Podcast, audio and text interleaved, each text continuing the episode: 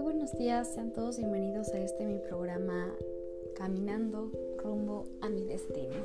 Yo soy Mónica Chávez y vamos a empezar a hablar el día de hoy de un tema que creo que ha sido muy controversial, sobre todo en estos tiempos de pandemia, que es cómo saber si lo que estoy haciendo está en el camino correcto, aun cuando todo puede terminar tan pronto, tan repentinamente.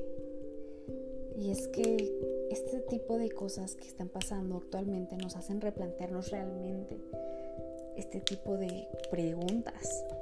Si creemos que nuestra vida es eterna, ni siquiera tenemos que pasar a, a pensar si está bien o mal.